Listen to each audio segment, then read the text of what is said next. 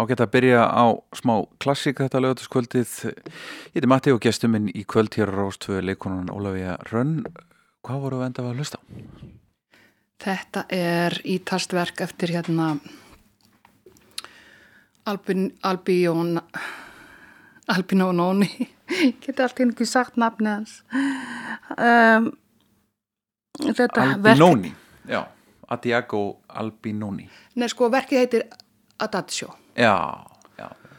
Og er frá hérna rétt fyrir 1700 já. En svo var annar ítalsku maður sem að uppgötaði þetta verk uh, bara upp á 1900 já. Og hann heitir hann er dáin, hann heitir Rem og minni mig. Og, og hann fór að halda því fram að hann ætti kannski aðalega þetta verk að hann, hann hefði bara fundið barsalínu og mér finnst þetta verk eh, vera við hæfi núna þetta er svo erfiði tímar þetta er svo skrítið ástand og hérna og ég er að hlusta á þetta þessa dagana til dæmis Mhm. og þetta er bara mér finnst þetta alveg stórkoslegt verk og þetta tekur næst í sjö mínútur í spilun og, og ég lappa til vinkunum minnar hverjum degi, maður er að búa til einhverja svona einhverja rútínu og það tekur einmitt sjö mínútur að fara frá henni og heim. Þá sitt ég þetta eða lag með Björk sem að tekur líka næst í sjö mínútur. Já. já. Eitt lag, eitt göngutúr. Já, já, þegar ég fer heim sko, þegar ég er búin að lappa til hennar og meira. En ta talandi um þessa, einmitt, þessa stórfyrirlegu tíma sem við lifum hérna, hvernig er þú að, að díla við þetta? Hvernig taklar þetta, fyrir utan að kíkja á einhvern þína Ég sko það er alveg nóg að gera heima og mér leiðist ekki og mér veist klukkan alltaf verið orðin fimm, það Já. vantar ekki, tíminn líður rætt heima mm -hmm. og ég er alltaf að hissa bara, heyrðu klukkan er verið fimm og hérna, Ertu þess að fara í öll verkin sem eru búin að setja hakanum undanfarið? já líka og svo líka er ég bara að hérna prófa mig áfram í eldhúsinu Já, það er rosalega gaman að horfa matrislu þætti og prófa eitthvað nýtt Já. og hvað er þetta elda? Ég er búin að vera að gera hérna nýjar sósur til dæmis svona síturansósur og appelsínusósur og svo er ég búin að vera að baka Já, líka sem að ég ger nú ekki mikið af. Nei, og þetta finnst mér mjög skemmtilegt og svo er ég að prjóna og lesa og hlusta á músík. Mm Hvað er síðasta bók sem þú last? sko ég er að lesa núna bókin eftir Ólaf Jóhann. Ég er bara nýbyrjuð á henni. Já, og hérna eftir Eirik Stefensen, ég með tvær. Já, einmitt Það er fínt að vera alltaf með svona tvær, maður fær leið á, á já sko Eiriks, hún er svona, svona lítil ég get sett hann í töskuna sem ég er með. Já, mjög gott. En við ætlum að tala um músík í, í, kvöld. Um, Þú fegst stötuðu spurningar og, og hvernig taklaði þetta? ég er sko ég tók þetta mjög alvarlega og um, þetta vera svona leikur. Já, þetta er leikur. Og hérna og vildi hafa þetta alveg rétt. Já, og stundum þurfti ég að breyta þegar að sko minnið fór stundum að virka, hef bara nei, heyrðu. Það var þetta? Já, einmitt eins og ég man hérna, fyrsta platan sem kom á heimilið. Já, ég held fyrst að það væri hérna Ómar Ragnarsson, syngu fyrir börnin. En þá myndi ég eftir hérna vakna dísa, vakna þú. Já, einmitt. Það var bara, ég held að veri platan bara sem fylgdi grammafónunum sem var keiftur á heimilið. Mm þetta er svona 69 Já. Og eh, hefur alltaf verið mikil músikkona? Hlusta mikið á tónlist? Já, sko, ég er samt ekkert verið þann típa að vera eitthvað að setja rosa mikið af tónlist. Ég hlusta mjög mikið á útvarp og svo eru svona nokkrar plötur sem ég hef spilað aftur og aftur og aftur. Já, já, já, Og við fáum að heyra hvaða plötur það eru, held já, ég. einmitt Nákvæmlega en, en svona fyrsta lagi sem mannst eftir að hafa hlusta mikið á sem að þú, þú Já, það að- var þessi plata sem að fylgdi grammafónunum. Það var bara hún já, auðvitað Já, og svo Þannig að þú hafðir ekkert um annað að velja Ég hafði, hafði ekkert um annað að velja en mér fannst hún alveg skemmtileg og þetta var bara svo stórkostlegt að geta stjórnaði sjálfur hvað var á fóninum, Já. hvað maður var að hlusta á. einmitt. En svo man ég að Becca sýstir sem var tíu árum eldri en ég sko, eða er, fyrir ekki, og hérna, hún keifti hérna svona smáskifu. Já, hérna með bítlónum Mástu hvað lag? hún hétt Hey Dude hérna, þessi litla smáskjöfa með svona epli. Já, heiti út Já, Já, og uh, þetta, mér fannst þetta alveg stórkostlegt. Og mér fannst líka bara Begga svo flott, hún hafði bara hún hafði keift sér þessa plötu og, og, hérna, og var að stjórna músikinni sjálf. Já en pappi, hann var ekki hrifin af þessari mú- músík og Hann vildi ekki bílana Nei, kallaði á skýtlana og, uh, og þessi plata var spiluð þegar hann var svona frekar ekki heima. Já, ok, baðan um að það er í slögt á þessu Ég honum fannst þetta alveg rosalega leðileg músík. Já, hvað var hann að hlusta á? Hitt, Já, kallakórin. kallakórin, auðvitað Skulum hlusta á Vakna Dísa, Vakna þú. Vakna Dísa, Vakna þú.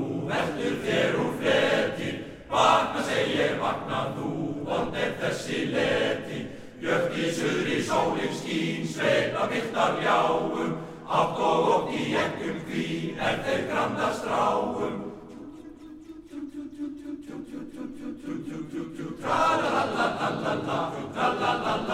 í gestum minn í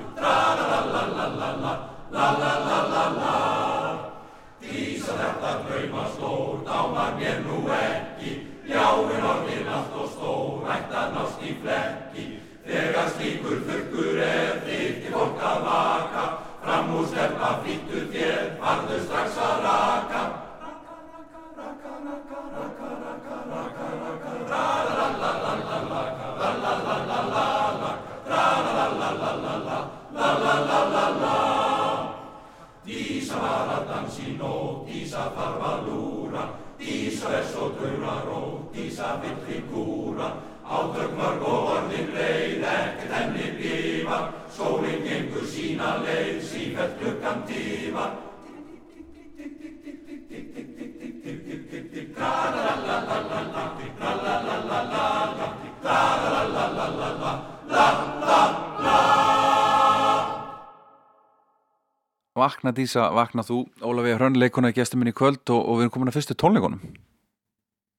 Já. til þeim?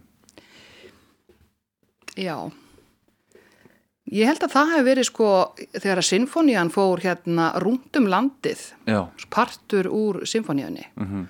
Og hún er einmitt hérna 70 ára í dag, sinfonían. Og þá hefur hún bara verið 20 ára. Maður hugsa um þetta. En ég man ekki hvað þau voru að spila satt að segja. Og ég var að reyna að googla það sko hvað sinfonían var að spila á þessum tíma og ég, Já, ég fann það ekki. Nei. En þú eh, velur lag með spilverkinu? Já, af því að þar á eftir þá voru það spilverk þjóðana mm. og Hvar sástu þau? ha, Hvar sástu þau? þau fóru líka um landið. Já, Ég átti heima á Hotnafyrði og þetta var í félagsheimilinu, Sindrabæ, sem að hérna, þessar heimsóknir komu. Já, og maður var alveg óbóðslega þakklátur fyrir allt sem að kom svona á staðinn já og uh, við vorum búin að hlusta á Sturlu alveg fram og aftur vinkonum mínar. Þetta var spóla og, hérna, og við snýrum henni fram og aftur, kunnu lögin fram og tilbaka og svo komu þau uh, með leikrið til grænjaksla og spilverk þjóðana náttúrulega Mhm. og uh, þetta var bara stórkoslegt. Ég, ég hef ekki séð þess að um hvað fjallar þessi leiksing, mannstu það? Hún er sko, hún er svona, þetta eru lögin af plötinni Sturlu. Og, uh, og er, er bara svona sögur í kringum það minni mig. Já. Valgeir að flippa. Valgeir. Já, Já, svo man ég að Þórun Sigurdóttir var að leika í þessu og einhver annar leikar en ég, ég man ekki hver. nei. Viljum að hlusta á húsin mjagast upp. Já, Æslega já og dittu náttúrulega, það er bara eitthvað í röddin hennar sem bara maður fær ekki nóg af sko, Nei, en þá í dag. En þá í dag. Þótt vor á hverjum hó Spretti grös heimsum ból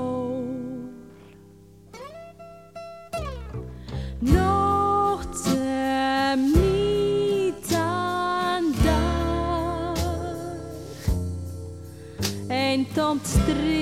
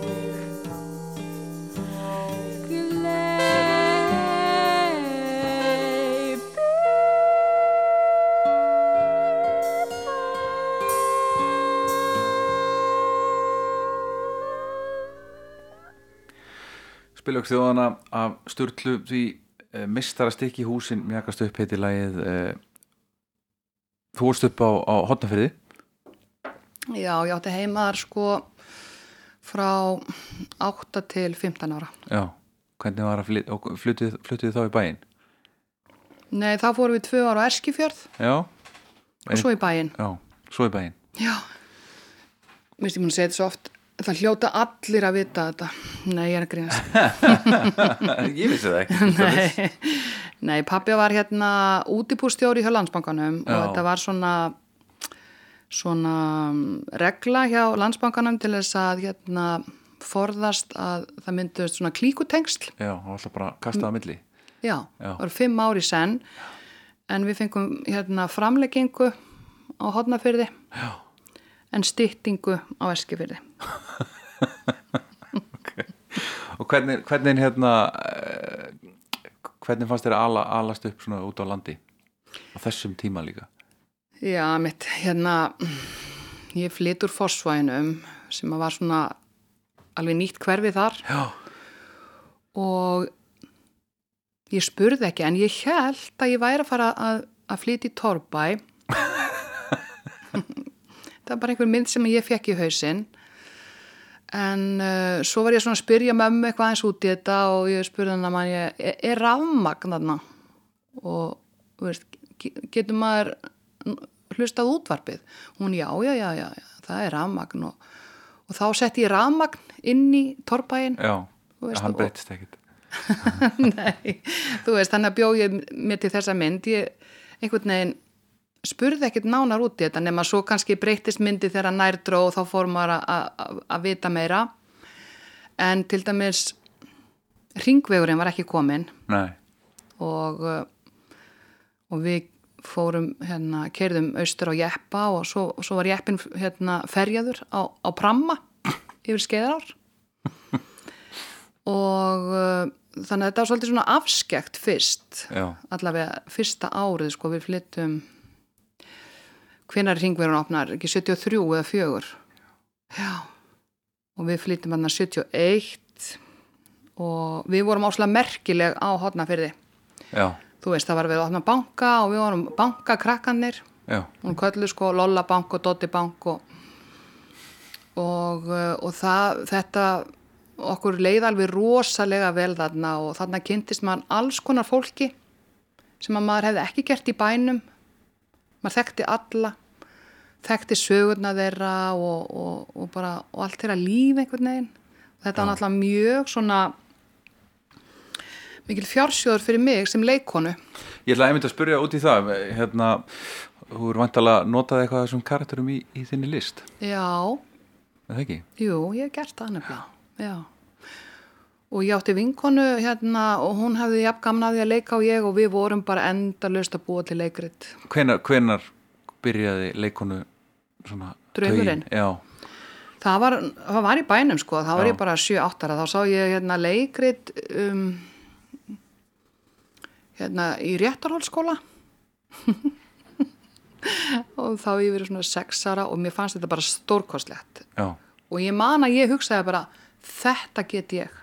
Já Þannig að það var aldrei neitt annað sem kom til greina hefur Nei, en svo er- hafði ég miklar áhyggjur að ég gæti ekki orðið leikona og var alltaf að finna mér eitthvað annað til þess að verða þá í framtíðinni og Já, ég hafði mjög miklar áhyggjur af þessu. og hefur enn kannski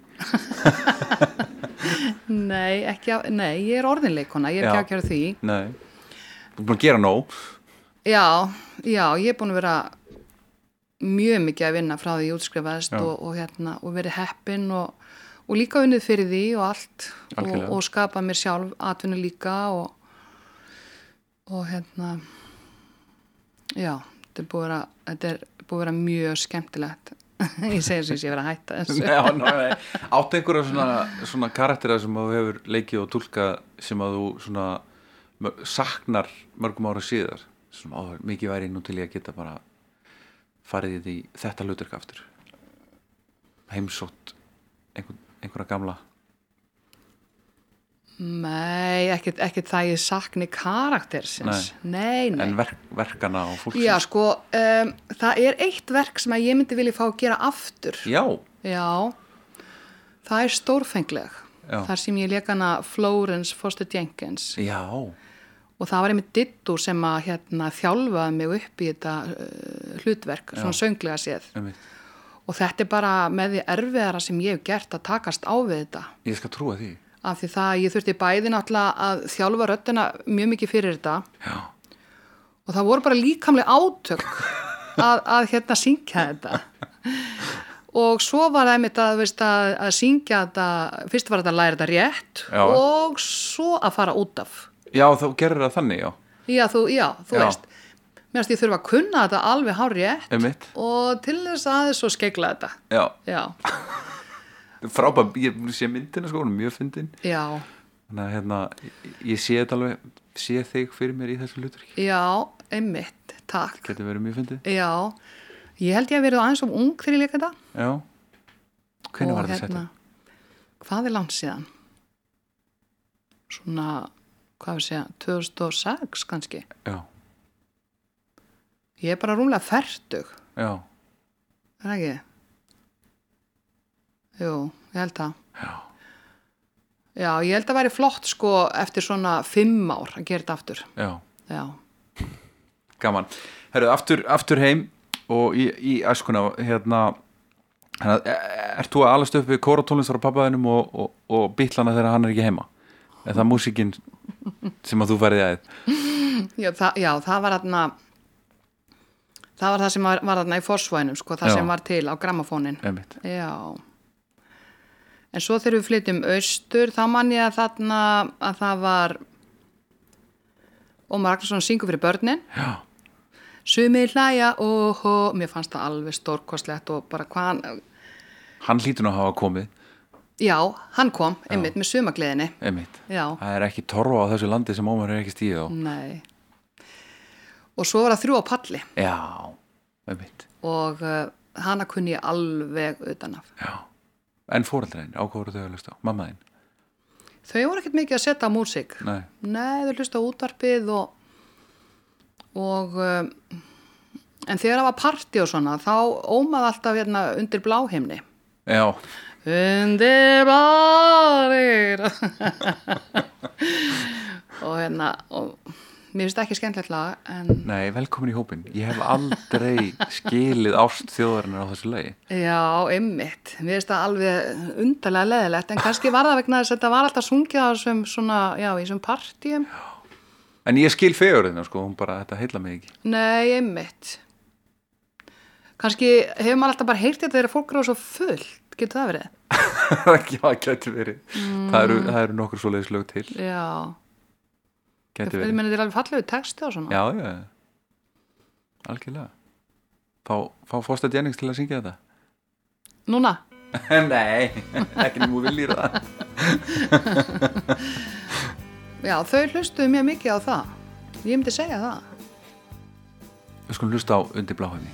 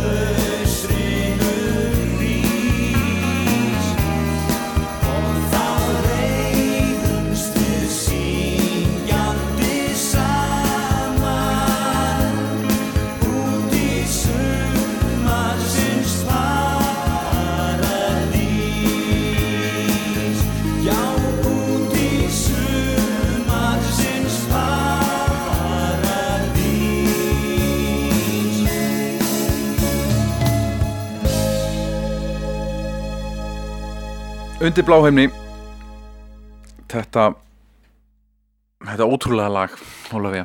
Já, það er vinsælt. Já, já, já. Heldur að við særum eitthvað með því að tala svona um það? Um, Alveg öruglega en, en við höfum rétt á okkar, okkar skoðun, tilfinningum. og skoðunum. Af því þetta er náttúrulega rosalega mikil tilfinning. Hvað manni finnst gott og vond í tónlist. Já nefnilega, og í öllu, listum. Kanski sérstaklega mikið tónlist held ég.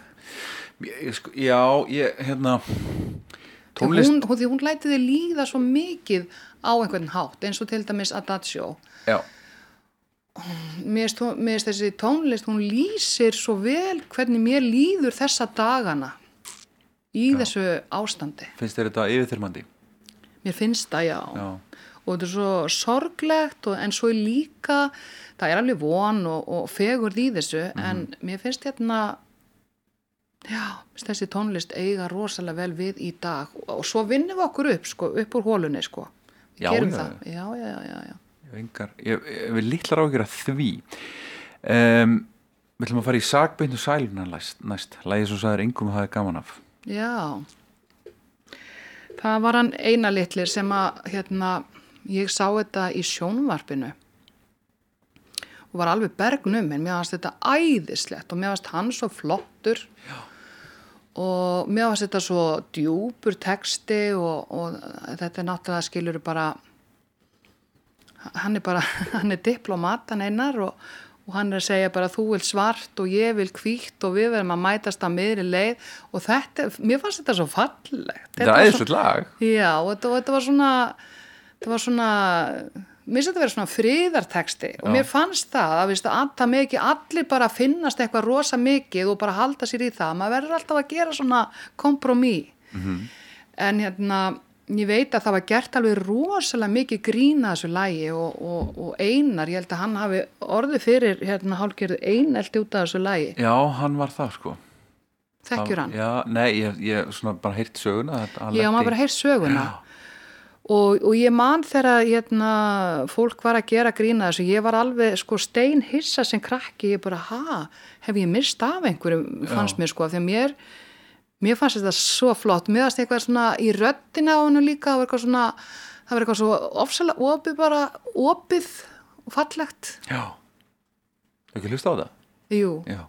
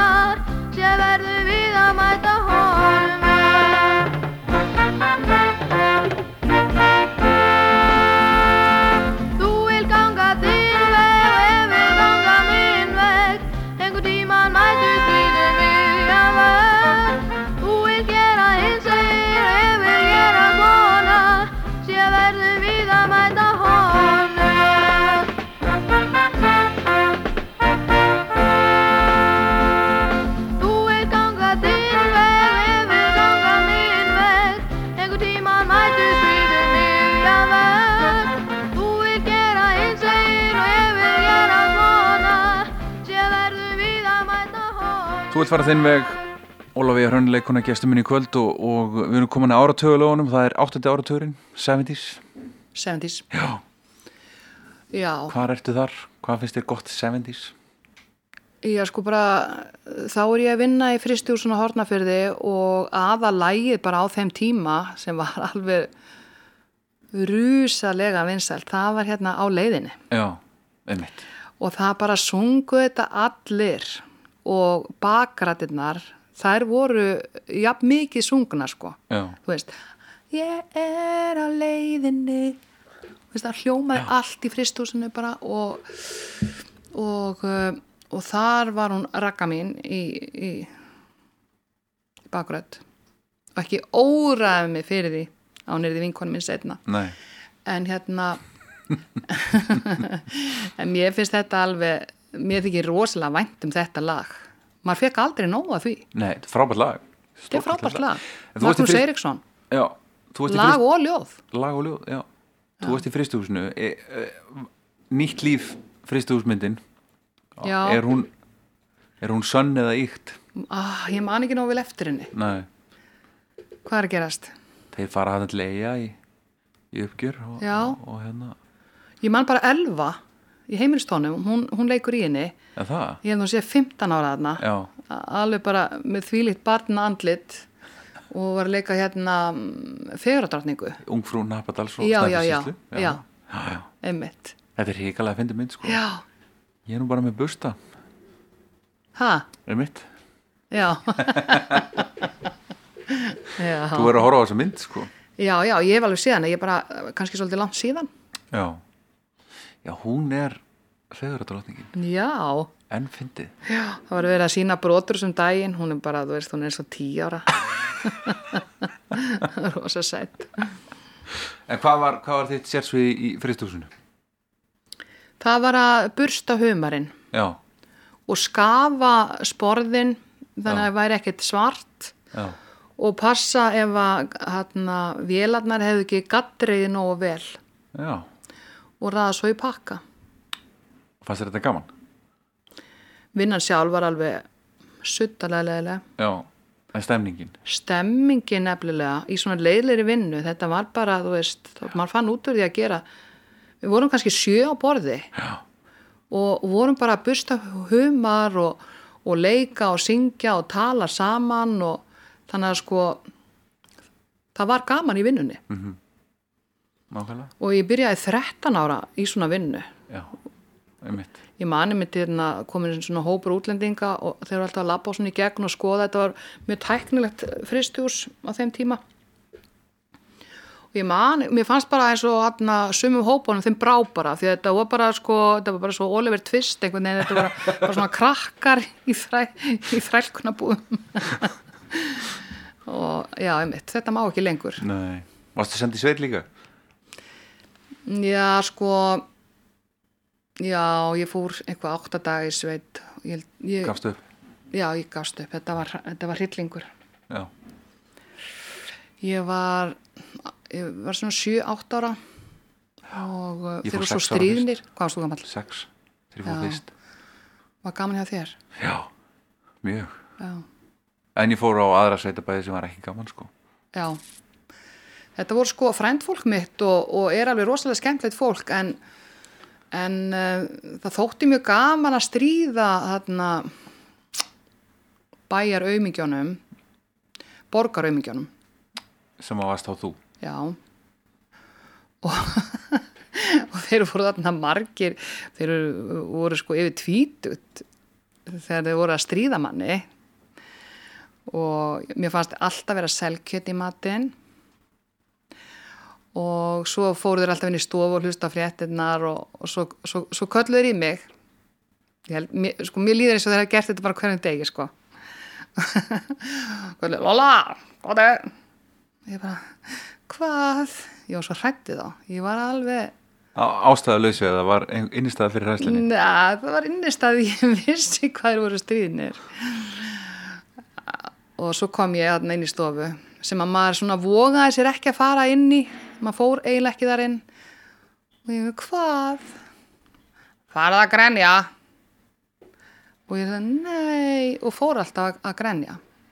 Og fór að, og hlýtti þeim og þá, þetta var svo fyndið. Og þá fór þeir að hlæja. Já, og þá fór ég bara út og, og svo gekk þetta bara alltaf svona aftur og aftur. Og hérna og gafst upp og ringdir í mömmu og bara, ég vil fara heim. Já, svo voru þeir alltaf að stríða mér alltaf, er ég held að mamma en sé að koma í dag? Og ég bara, er það? Í alvöru?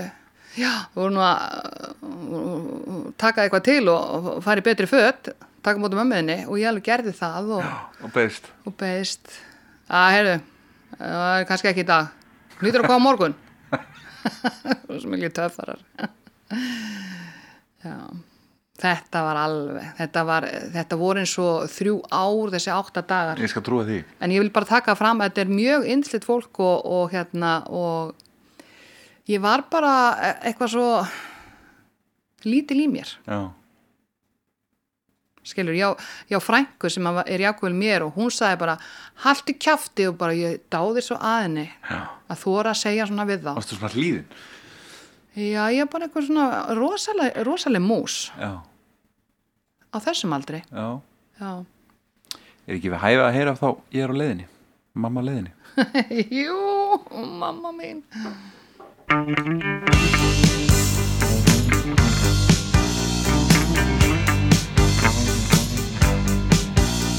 Á morgun er komin nýr dagur og sporin sem ég steg í nóg fyrnast fljótt á þessum stað Gleimir þú mér eða hvað? Skipið skrýður frá landi með skellum við skundum á braut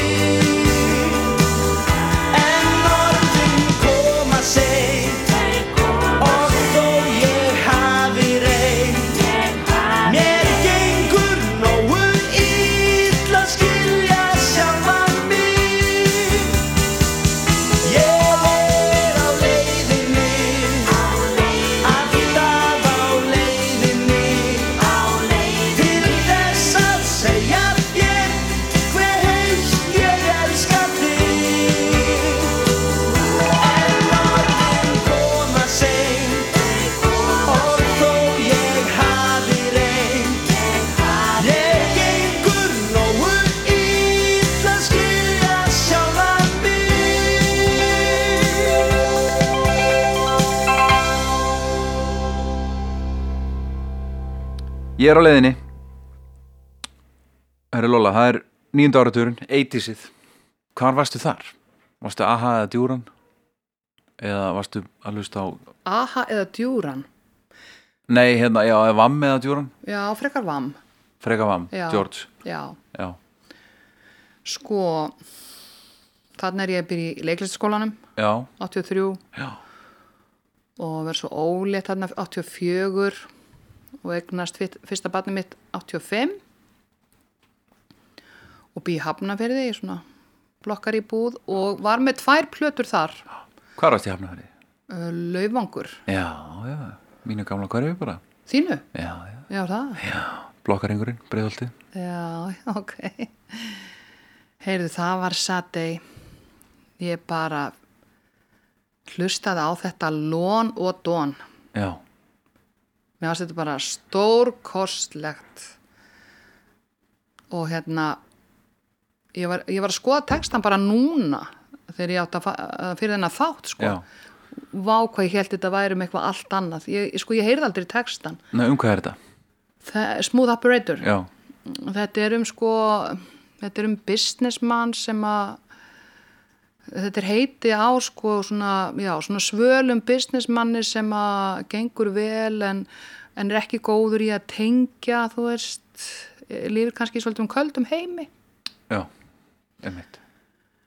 En hérna ég held þetta var einhver sem var að, alltaf að ringja svona, á svona símaborð og vildi fá hérna, Samband. Vildi fá samband Já, einmitt, það er og það skiptir ekki máli þetta, þetta var myndin í, í mínum Já. huga þegar ég var ég verið söng með og allt bara. Já, Með barna brjósti bara. Já, já, Hún var hrikalega vinsæl. Já, Satei eða Sardei eða, eða já Sadei það já, ekki? Já. já, frá Níkaríu Silki, þetta er alveg silki mjúkt já með rosalega fallega rödd og þetta var, þetta var svona, svona rosalega þægileg músík sko. Og, og hún blandaði saman Mhm. þú veist jazz og poppi og það var svolítið nýtt Já. í þá, þá Já. daga. Já, og ég var einmitt að lesa sko, hún var með tónleika 2011 já, já, já, hún- fór þá já. Kom aftur. Vá, ég var til að sjá hana. Já, samanlega. Smúða breytur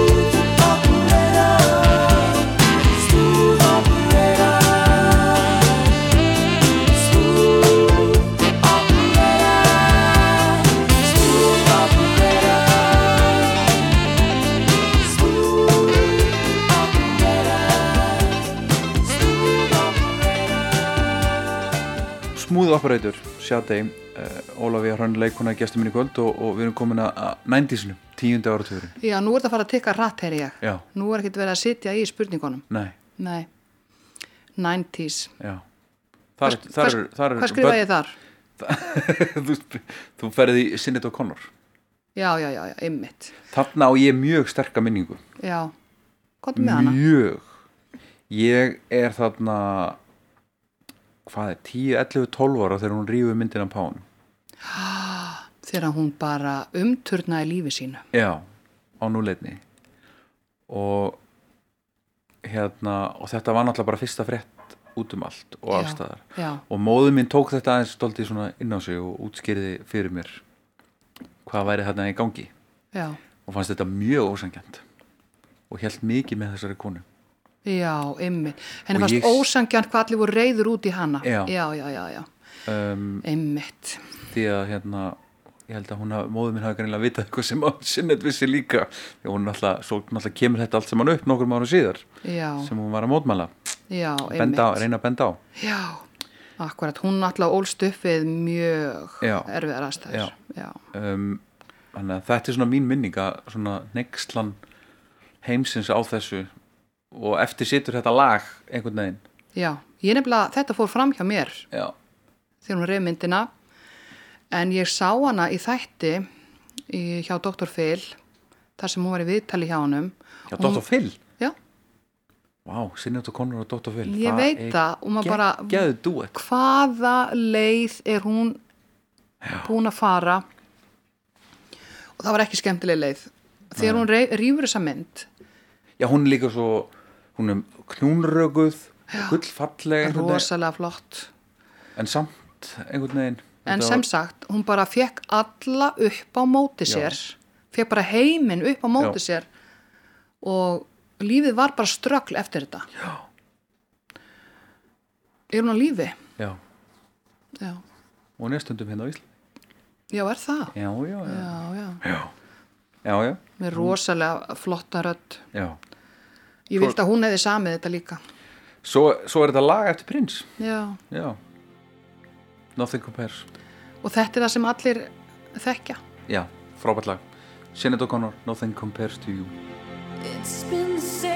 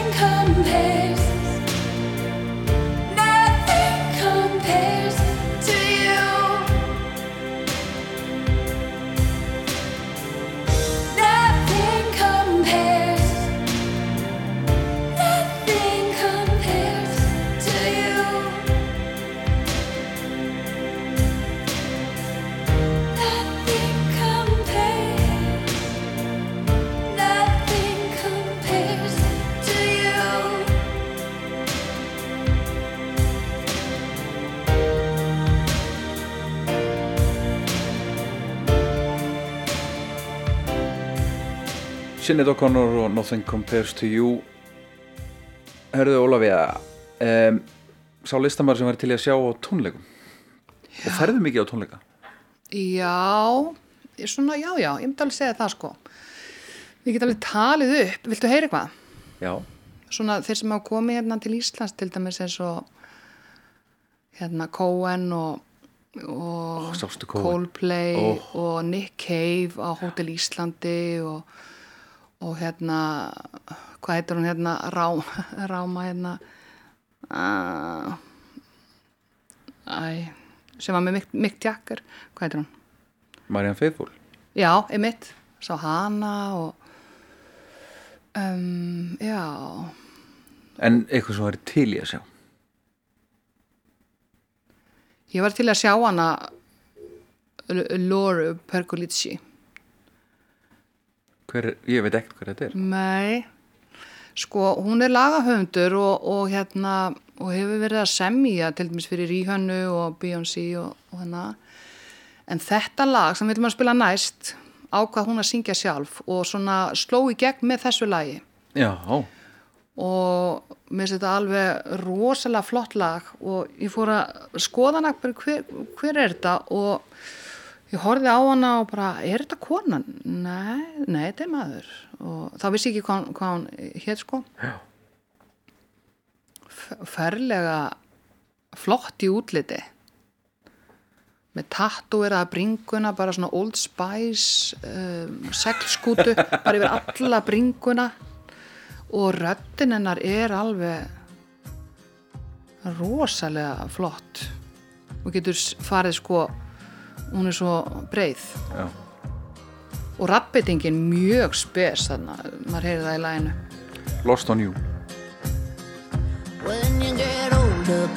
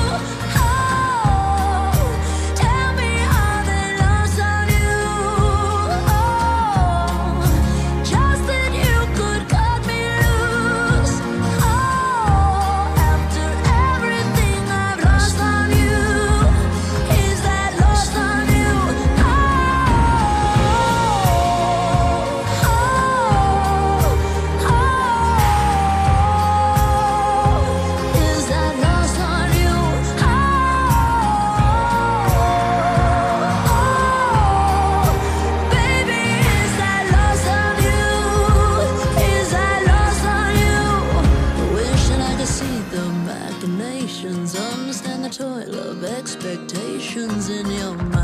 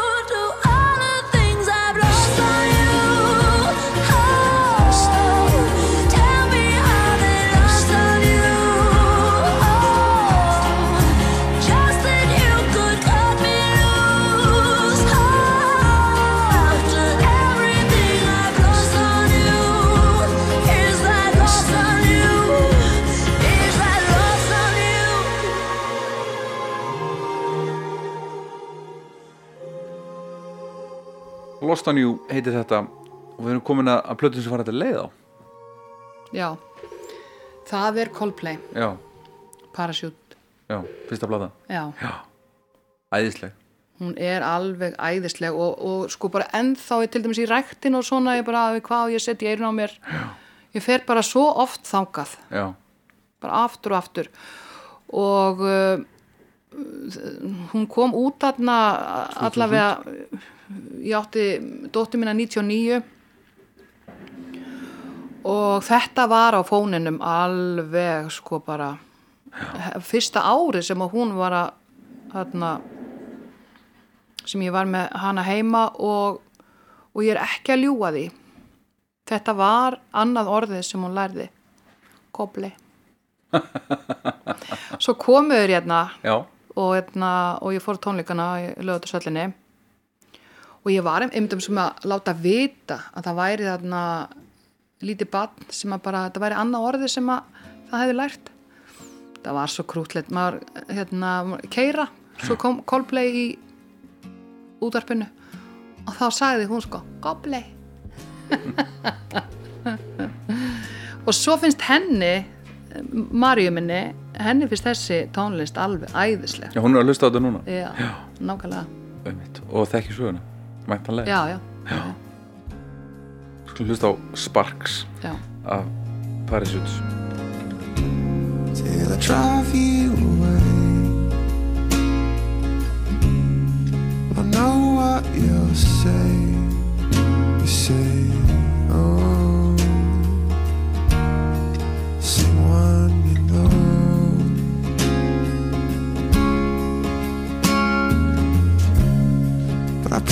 you this. I'll always look out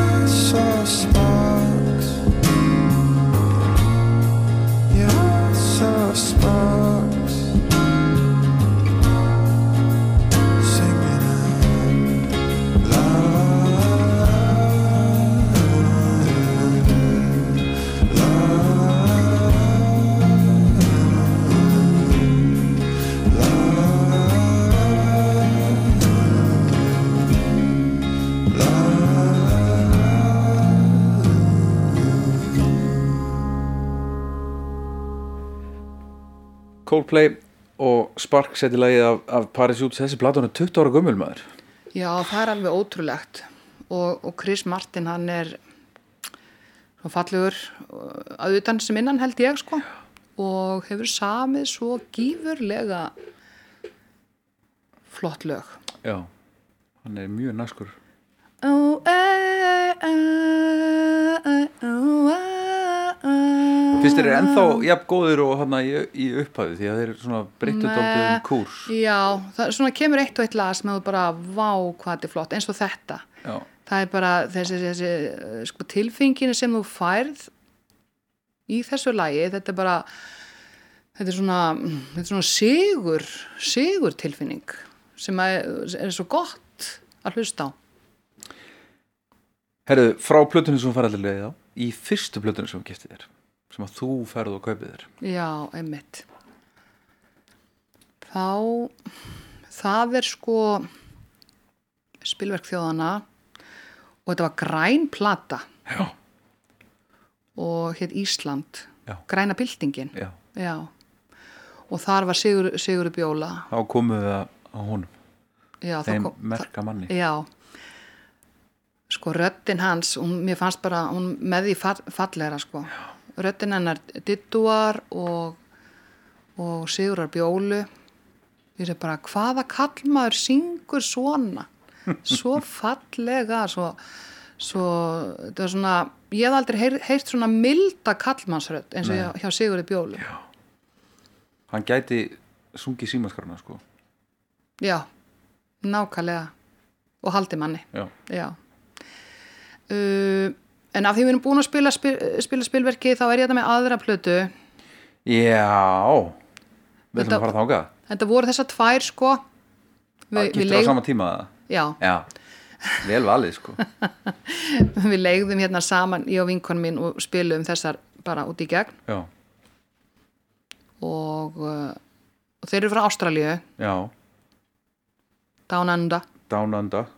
Men Network Já, en það var nú gott, ég hórið ekki á, á myndbandi sem þeir gerðu með þetta, því ég sá það nú bara nú um daginn.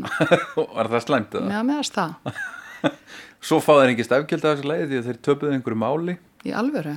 Já, þetta er vist eitthvað gamalt uh, hérna ástralst skáta þjóðlag Já, var það. voru kærðir og, og ég held hafa fá- hafa ekki fengið krónu fyrir þetta lag Ég hef sérst eitthvað tengingu til Ástralíu af því að sonur minn býr þar. Já,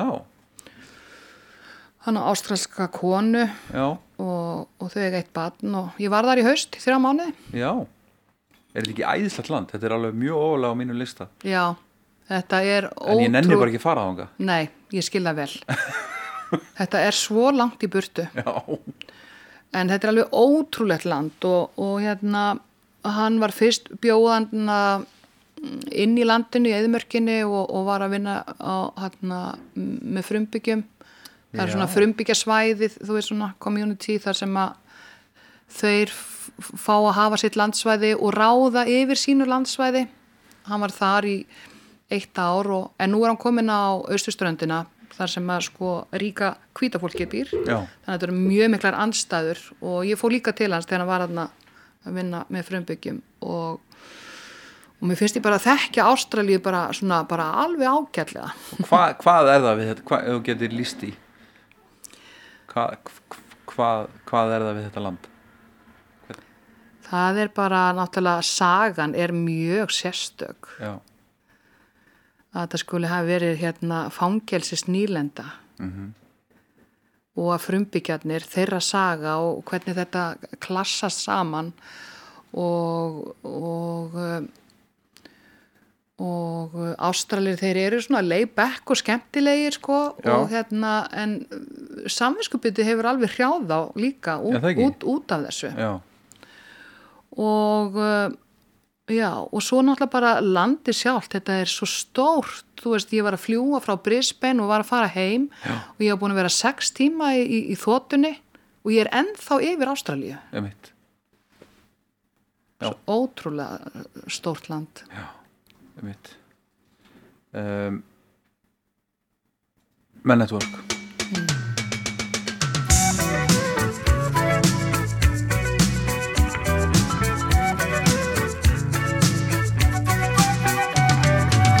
Traveling in a freighter combi On a hippie trailhead full of zombies. I met a strange lady, she made me nervous. Me in and gave me breakfast. And she said, Do you come from a land down under? Where women glow and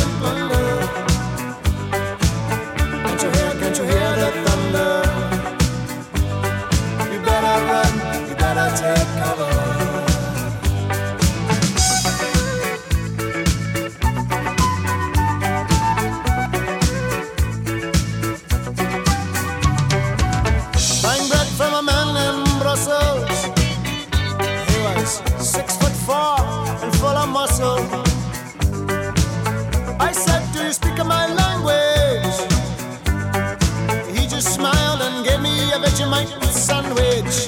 And he said, I come from a land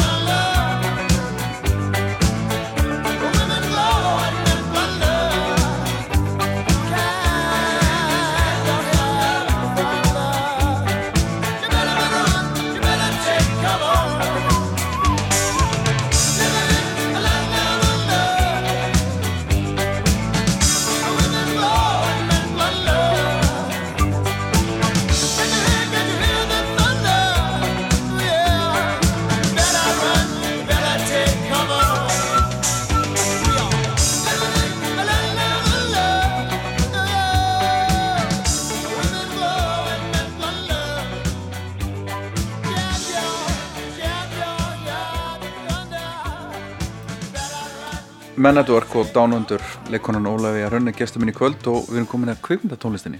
Já. Um, Einmitt hérna í þessari íbúð á Háleitsbraut þar, þar sem að ég og vinkon minn legðu þar var píanó og og hérna og, og þá var verið að sína þessa mynd uh, á þessum tíma. Og uh, mér langar alltaf að læra á píanó en hérna að meðast einhvern veginn og mikið að byggja um það þegar ég var yngri. Og baða um gítar. Fekst gítar? Fekk gítar, já. en svo var þarna píanó í þessari íbúð og, og mér fannst svo gaman að glamra á það. Og einseti mér einmitt að, ná þessu lagi. Du, du, du, og alveg bara skrópa í skólanum bara til þess að vera að glamra á píanóið. Og náður því? Já, þokkalega svona Já. já. En er þetta góð mynd? Ég hef aldrei séð þessa mynd sko Sko ég man ekkert um hún er nema bara þeirra að hlaupa í, slow motion. Já, Það er eina sem að maður mann. Þetta er einhvern skóla. já, einmitt Ég man svo sem ekki meir. Hlustum á þetta lag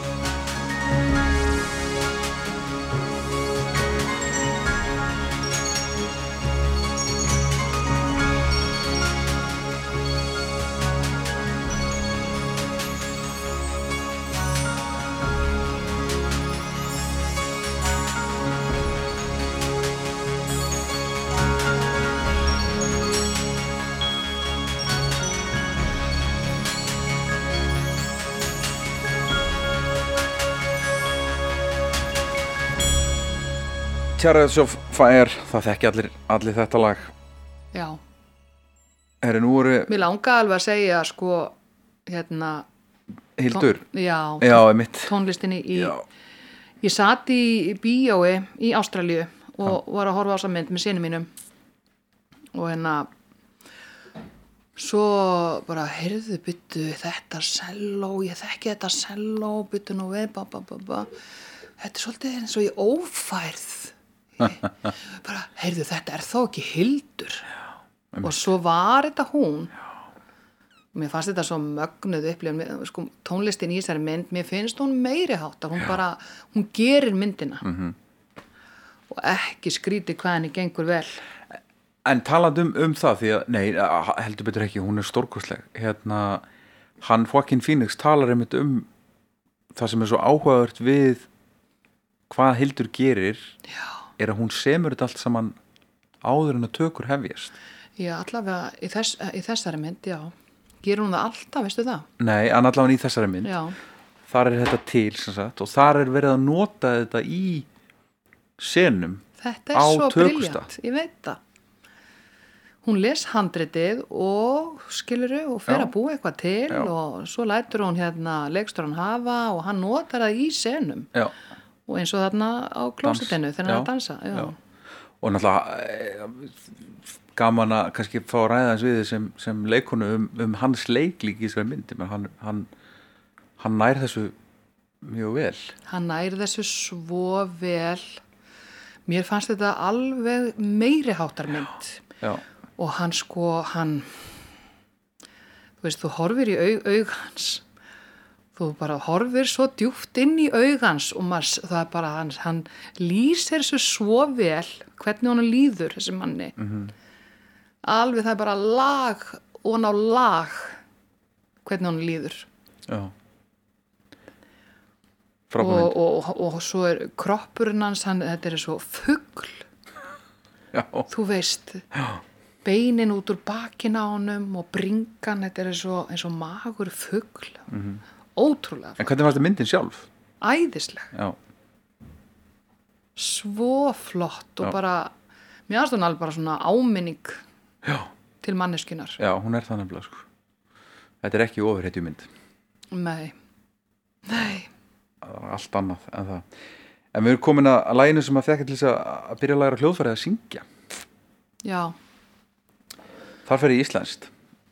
Já, ymmit ég, sko, þetta er eiginlega svona helsta lígin í þessum svörum. Já, það er ekki eitt lag sko sem að ég hugsa bara, nei, nú langar mig að læra á hljóðfæri. Nei, það var svo sem ekki svoleiðis. Nei. Þú vildi bara kunna gítar? Já, já, mér langar, já. Og uh, ég man bara þegar ég sá hana Björk niður á Austuvelli Já, og það var bara tónleikar þar bara um, meðan dag held ég. Og ég bara, og sá hana og hún var að syngja Tapa, típ, hérna, tapa Tíkaras og var, var að syngja þetta lag. Ég bara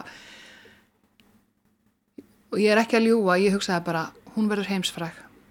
Það var bara, bara ég bara hugsaði það.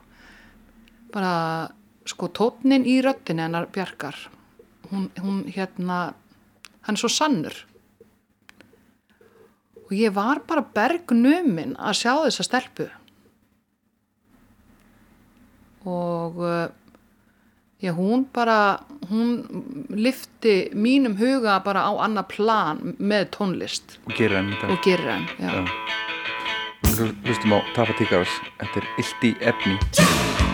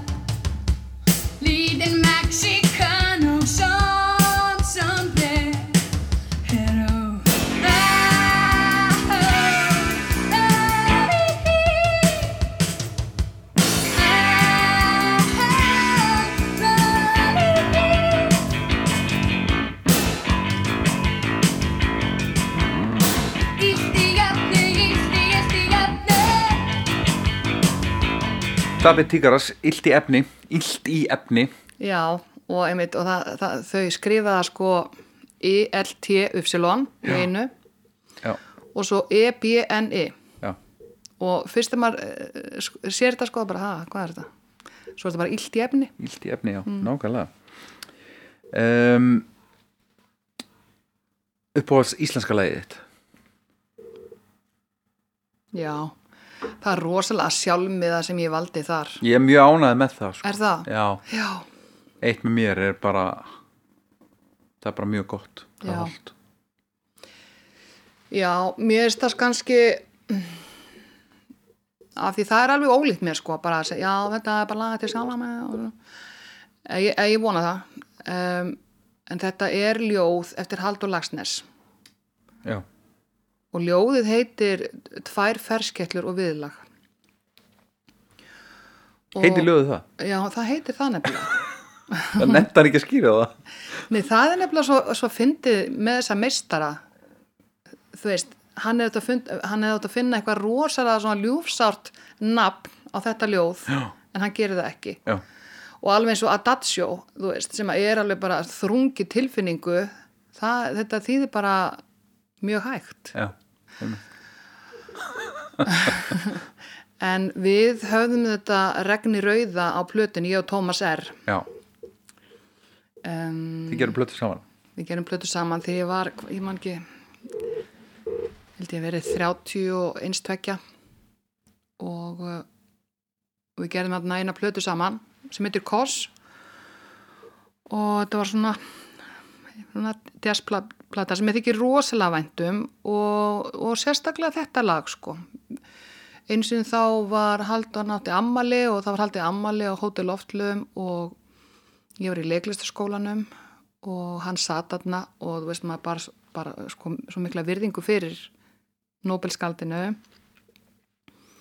og við vorum beðum að gera eitthvað fyrir skaldið og, og Ingrid Jónsdóttir sem er mér í bekk og vinkona hún las þetta ljóð og, og ég spilaði svona á gítar undir. Þess þessar hljóma sko sem eru svo í lægin alltaf. Og hérna og svo sá hún mér þetta svo fallet ljóð að ég ætla að lesa það aftur. Og þá hérna af því að maður svona vissi ekki hvort að hann væri alveg að hlusta eða eitthvað en hann alveg svona hann alveg réttist í sætinu og, og bara manni fannst það svo mikið. Og svo var ég í kvennarhljómsveit sem heitir Hljómsveit Jarþrúðar. Og þar vorum við að spila þetta lag. Manst þú eitthvað eftir þeirri hljómsveit? Kannast þið nafni, já? Já, já, sko við vorum alveg bara númer þrjú eða fjögur sko kvennarljómsveit sem að urðu til hérna á landin en, en ég var, ég var haldin mjög miklu hræðslu um að slá í gegn og, hérna, og ég þyrfti að svara fyrir alla textana sem að ég var að búa til og, og svona. Þú er nú jafnað að þessar ræðslu eða ekki? Jú. Og, og, og, ég þurfti örgulega ekki að vera hrætt sko. Nei. það var engin hægt á, ég, ég veit það ekki. Jú kannski, ef maður hefði hérna verið með meiri þrautsegju í þessu. En allavega svo því ég fór að vinna með Tómasi þá, þá, þá tók hann þetta lag og setti það í jazz útsetningu Regnið rauða Tómas R. og Ólafía Hrönn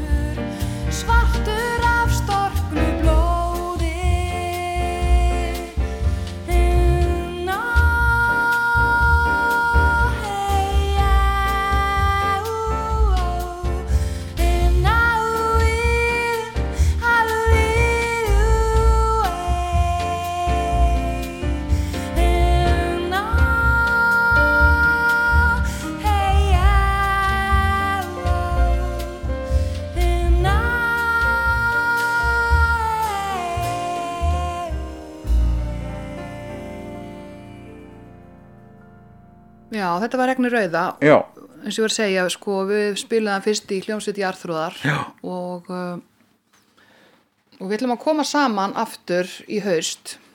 Lana Kolbrún er í þessari sveit og Þórtís Klassen, vá, já, svaka nöfn og, og, Og þú? Lilja Steingrim sem verið 60 og þetta eru svona ammælistónleikar og við ætlum að um, spila í bæjabíói.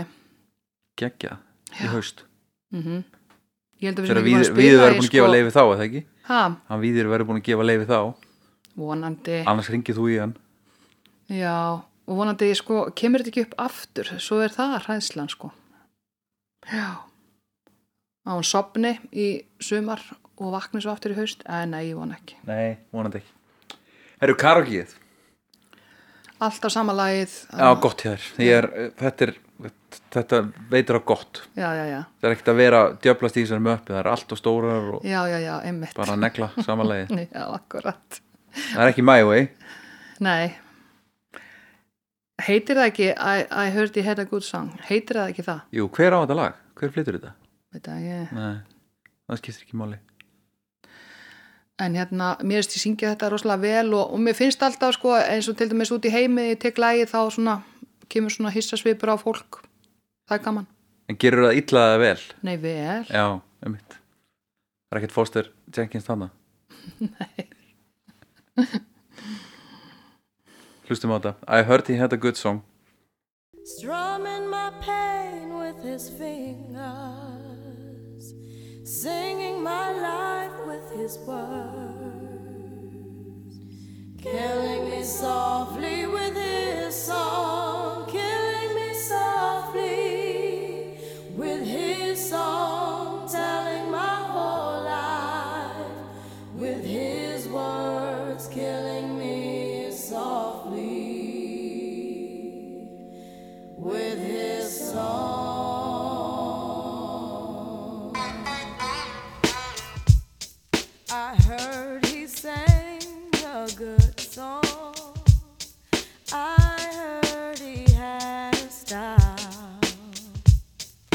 And so I came to see him and listen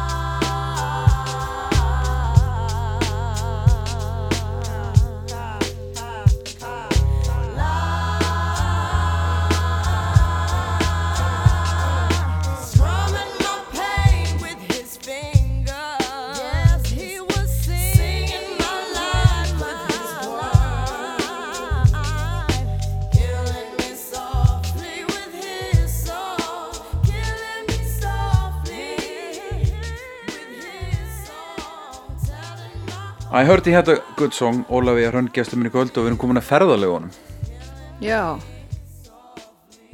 Einmitt. Ég er nú mest bara að hlusta útvarpið. Já, hver er þín stöð? Rás 1 Já, og Rás 2 já, Ég segi það bara af því ég er í viðtali á þér. Nei, nei, nei, það er bæði. En uh, ég er bara hvað diska var ég síðast með í bílnum? Það, það er Valdimar fyrsti diskurinn hans. Já, La la la la la la la la Læti. Já, og Áskir Trausti platan með tvö. Já. Og mjög, svo, mjög svona þægilega plötur. Og svo hann er svo smári. Já, einmitt. Hvað er að frétta þeim? ekki neitt nei. Er- heyrðu, heyrðu, við sko, ég og Dóra Dóra Gerhars, við hérna sömdum þessi lög og svo fórum við í stúdíó og Davíð Þór Jónsson tók þessa plötu. Já, stórkostlegu maður. Stórkostlegu maður og Hann gæti verið góðu vinnu þeirra, eða ekki? algjörlega. Og hann, hann einmitt spilaði með okkur hérna á, á Rosenberg þegar við vorum hérna að tróða upp með þessi lög og svona leikrit. En hérna við mættum bara um morgun og tókum þetta upp, öll lögin. Já, og svo miksaði hann það bara þegar við vorum bara, strax vorum búnar og platan var tilbúin bara þú um kvöldið, um kvöldið. Þetta var rosalegt. Ég veit ekki hvort það geta margir leikið þetta eftir hann. Davíð Þór. Heldur að hann er sem ári var í sótkví núna? Heldur ég sé í sótkví? Heldur ég getur hlýtt því? Já, Smári, ekki Hannes Nei, Hannes væri einhvers þar að djöfla sko. Já, það ekki Jú Hann er líka svo drikkveldur sko.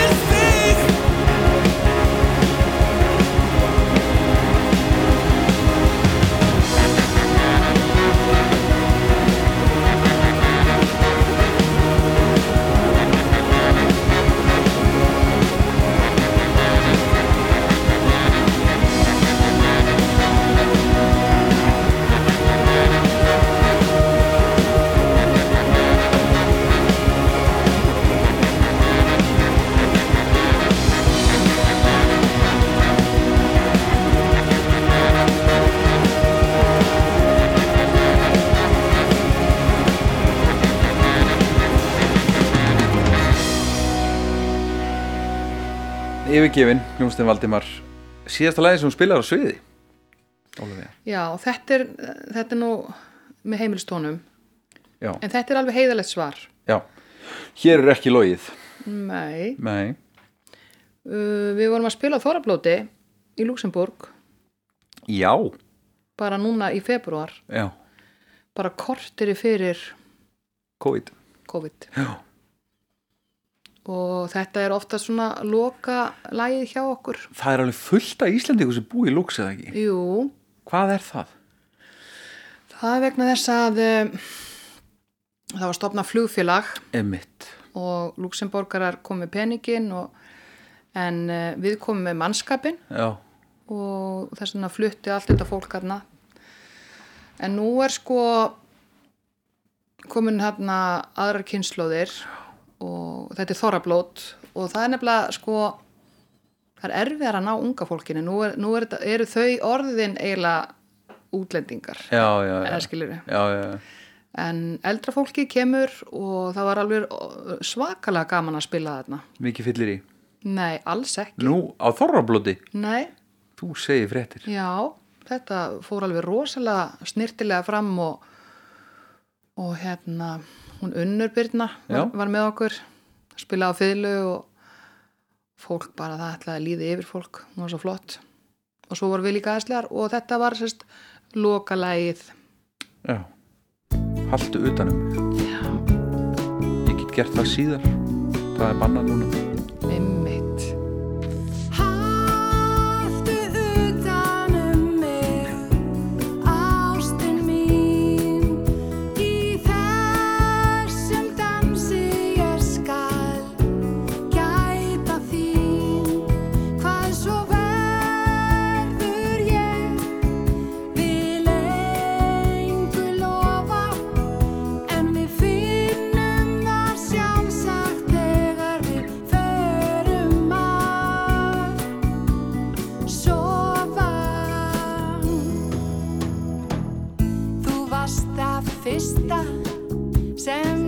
eftir á þessu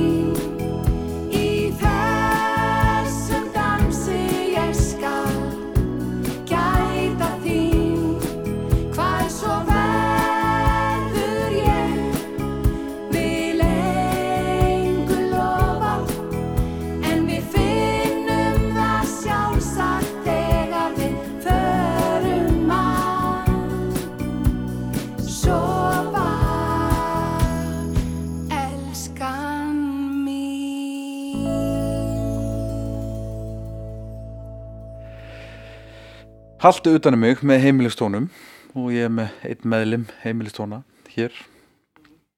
Beint á móti mér í tveggja metra fjarlæð Ólafía Hrönn. Við erum komin að síðasta læginu sem þú dildir á samfélagsmiðlum. Já, ég, sko, það, ég er ekkert mikið að deila einhverju lægi á samfélagsmiðlum. Nei, nema bara, ég er, ég er að senda þarna í posti þetta lag. Já, af því að uh, ég er hljómsveit sem heitir Gertrude and the Flowers og hérna, hvað, snú, hvað er gert út en the flowers? Það er hvenna sveit, við erum átta.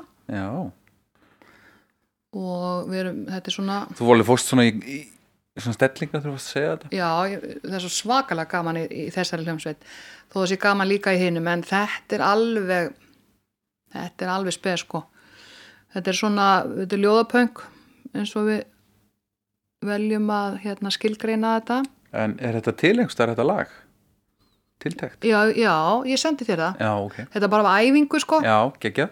Bara til þess að lefa að heyra aðeins sko. Já, og veist það vantar bassan í þetta og, og, er og, er punk. og, og blástursljóðfarið en uh, að ég hafði gaman að því að lefa að heyra.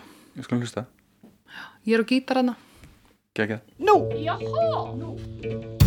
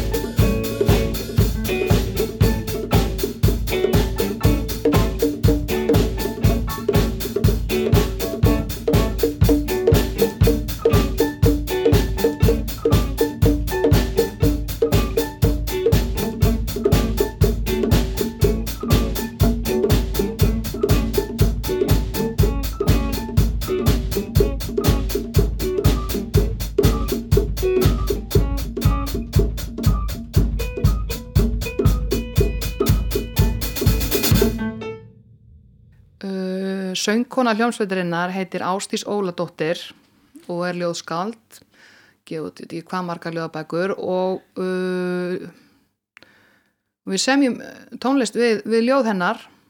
En hún gerði einmitt ljóðið hérna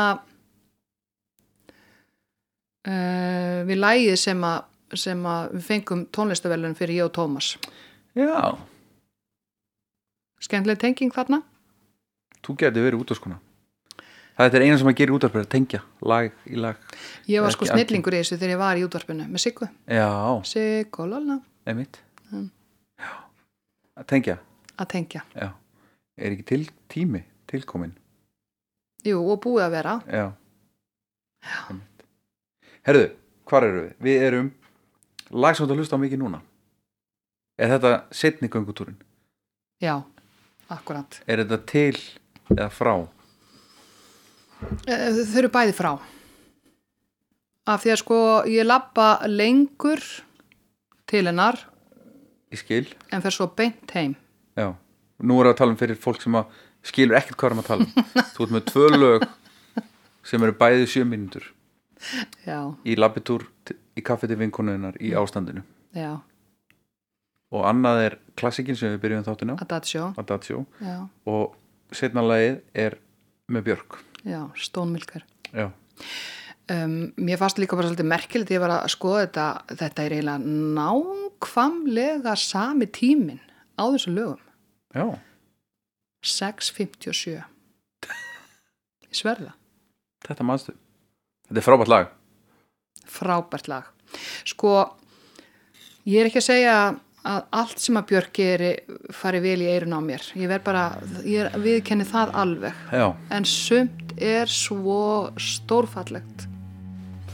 Og þetta er eitt af þeim. Já, Stónmilkar Björk.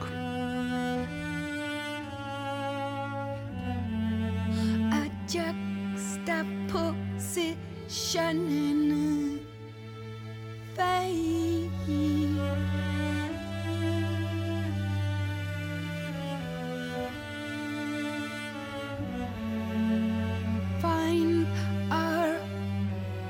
sensual cold.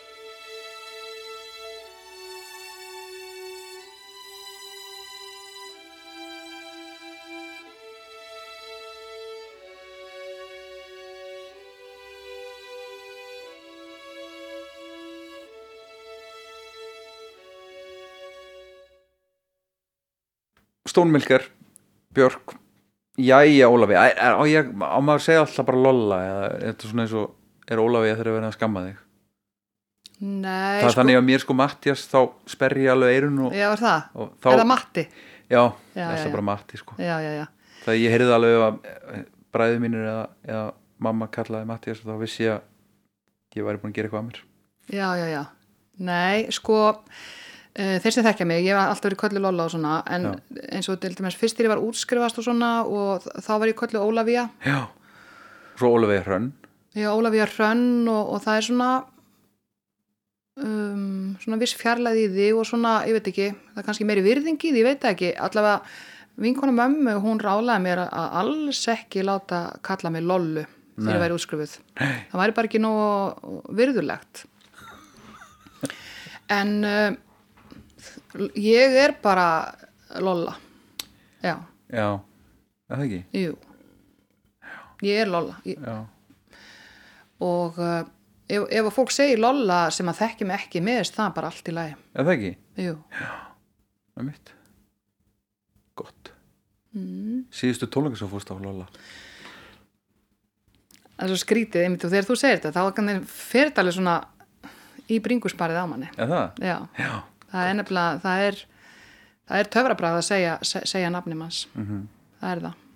Það er, er ekkert skrítið að sé kent en en að ég var reyna að rifja upp hvaðan voru síðustu tónleikarnir og ég held að það sé örglega hérna tónleikar sem að Raka Gísla held í mengi með Bjögga Gísla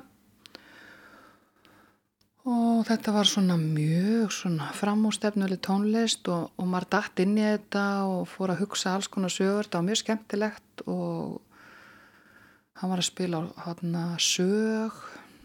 En ég fann ekki neitt með þeim. Það er eitthvað til en ég, ég, vildi, ég nefndi ekki vera að bögga rökkum með þessu. Og uh, þannig ef ekki bara hlusta eitthvað eitthvað lag með rökku Þið og telaði bara? já, Já. Við í heimilstónu við sendum einu sinni þjóðutjálag í keppnina hjá þeim. Já. og, uh, og þá hérna þá kom bara svar heyrðu, þau eru öll svo léli lögin sem að hafa verið send að við ætlum bara að byggja einhvern tónlistamann um að, semja lag. Svo er okkar lag alveg frábært. En uh, en við skulum bara hlusta á röggu núna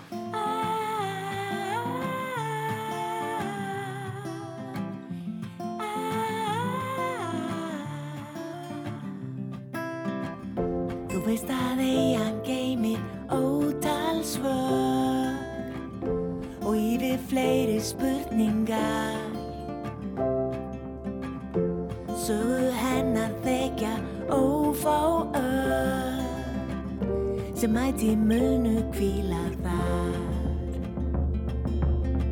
Hún sorgir á sem engir sjá. Óteljandi leyndarmá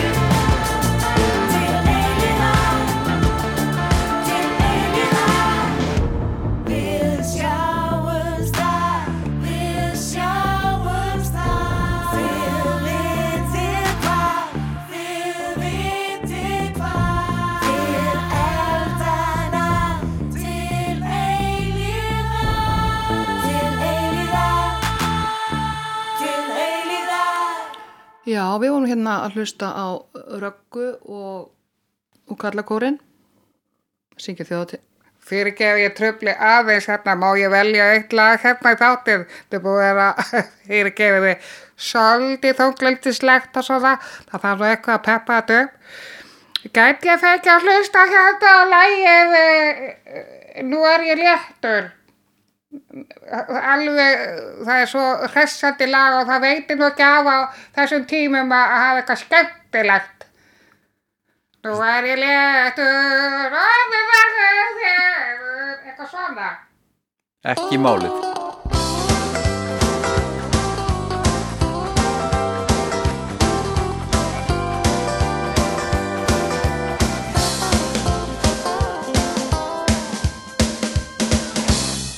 Nú er ég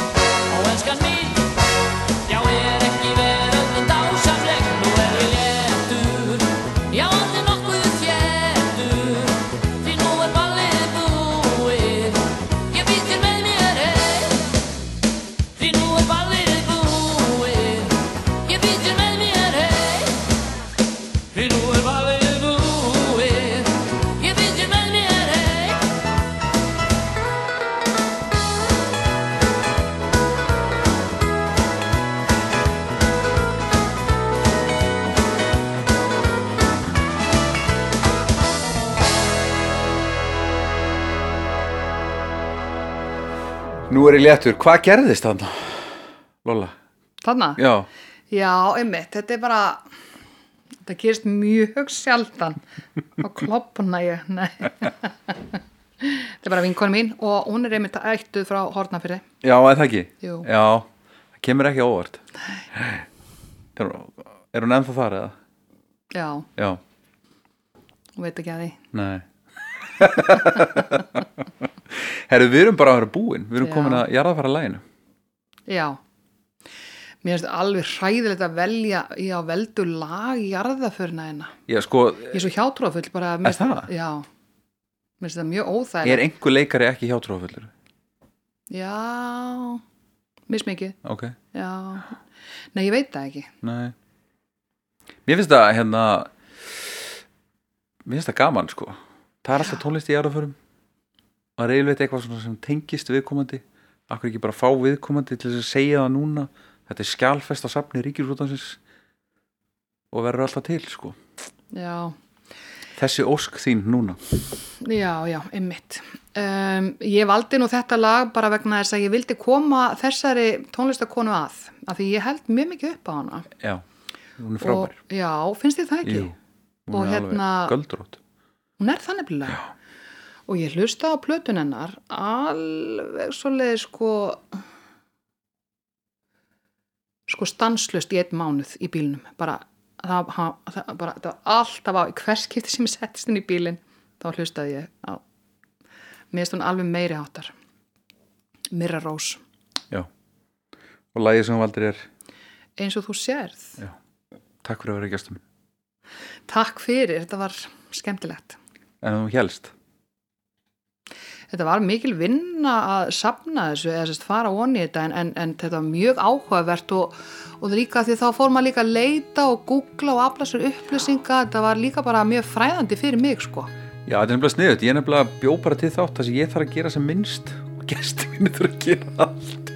Þetta er hjá Já, þér, það ekki? Takk. Gangið vel eins og þú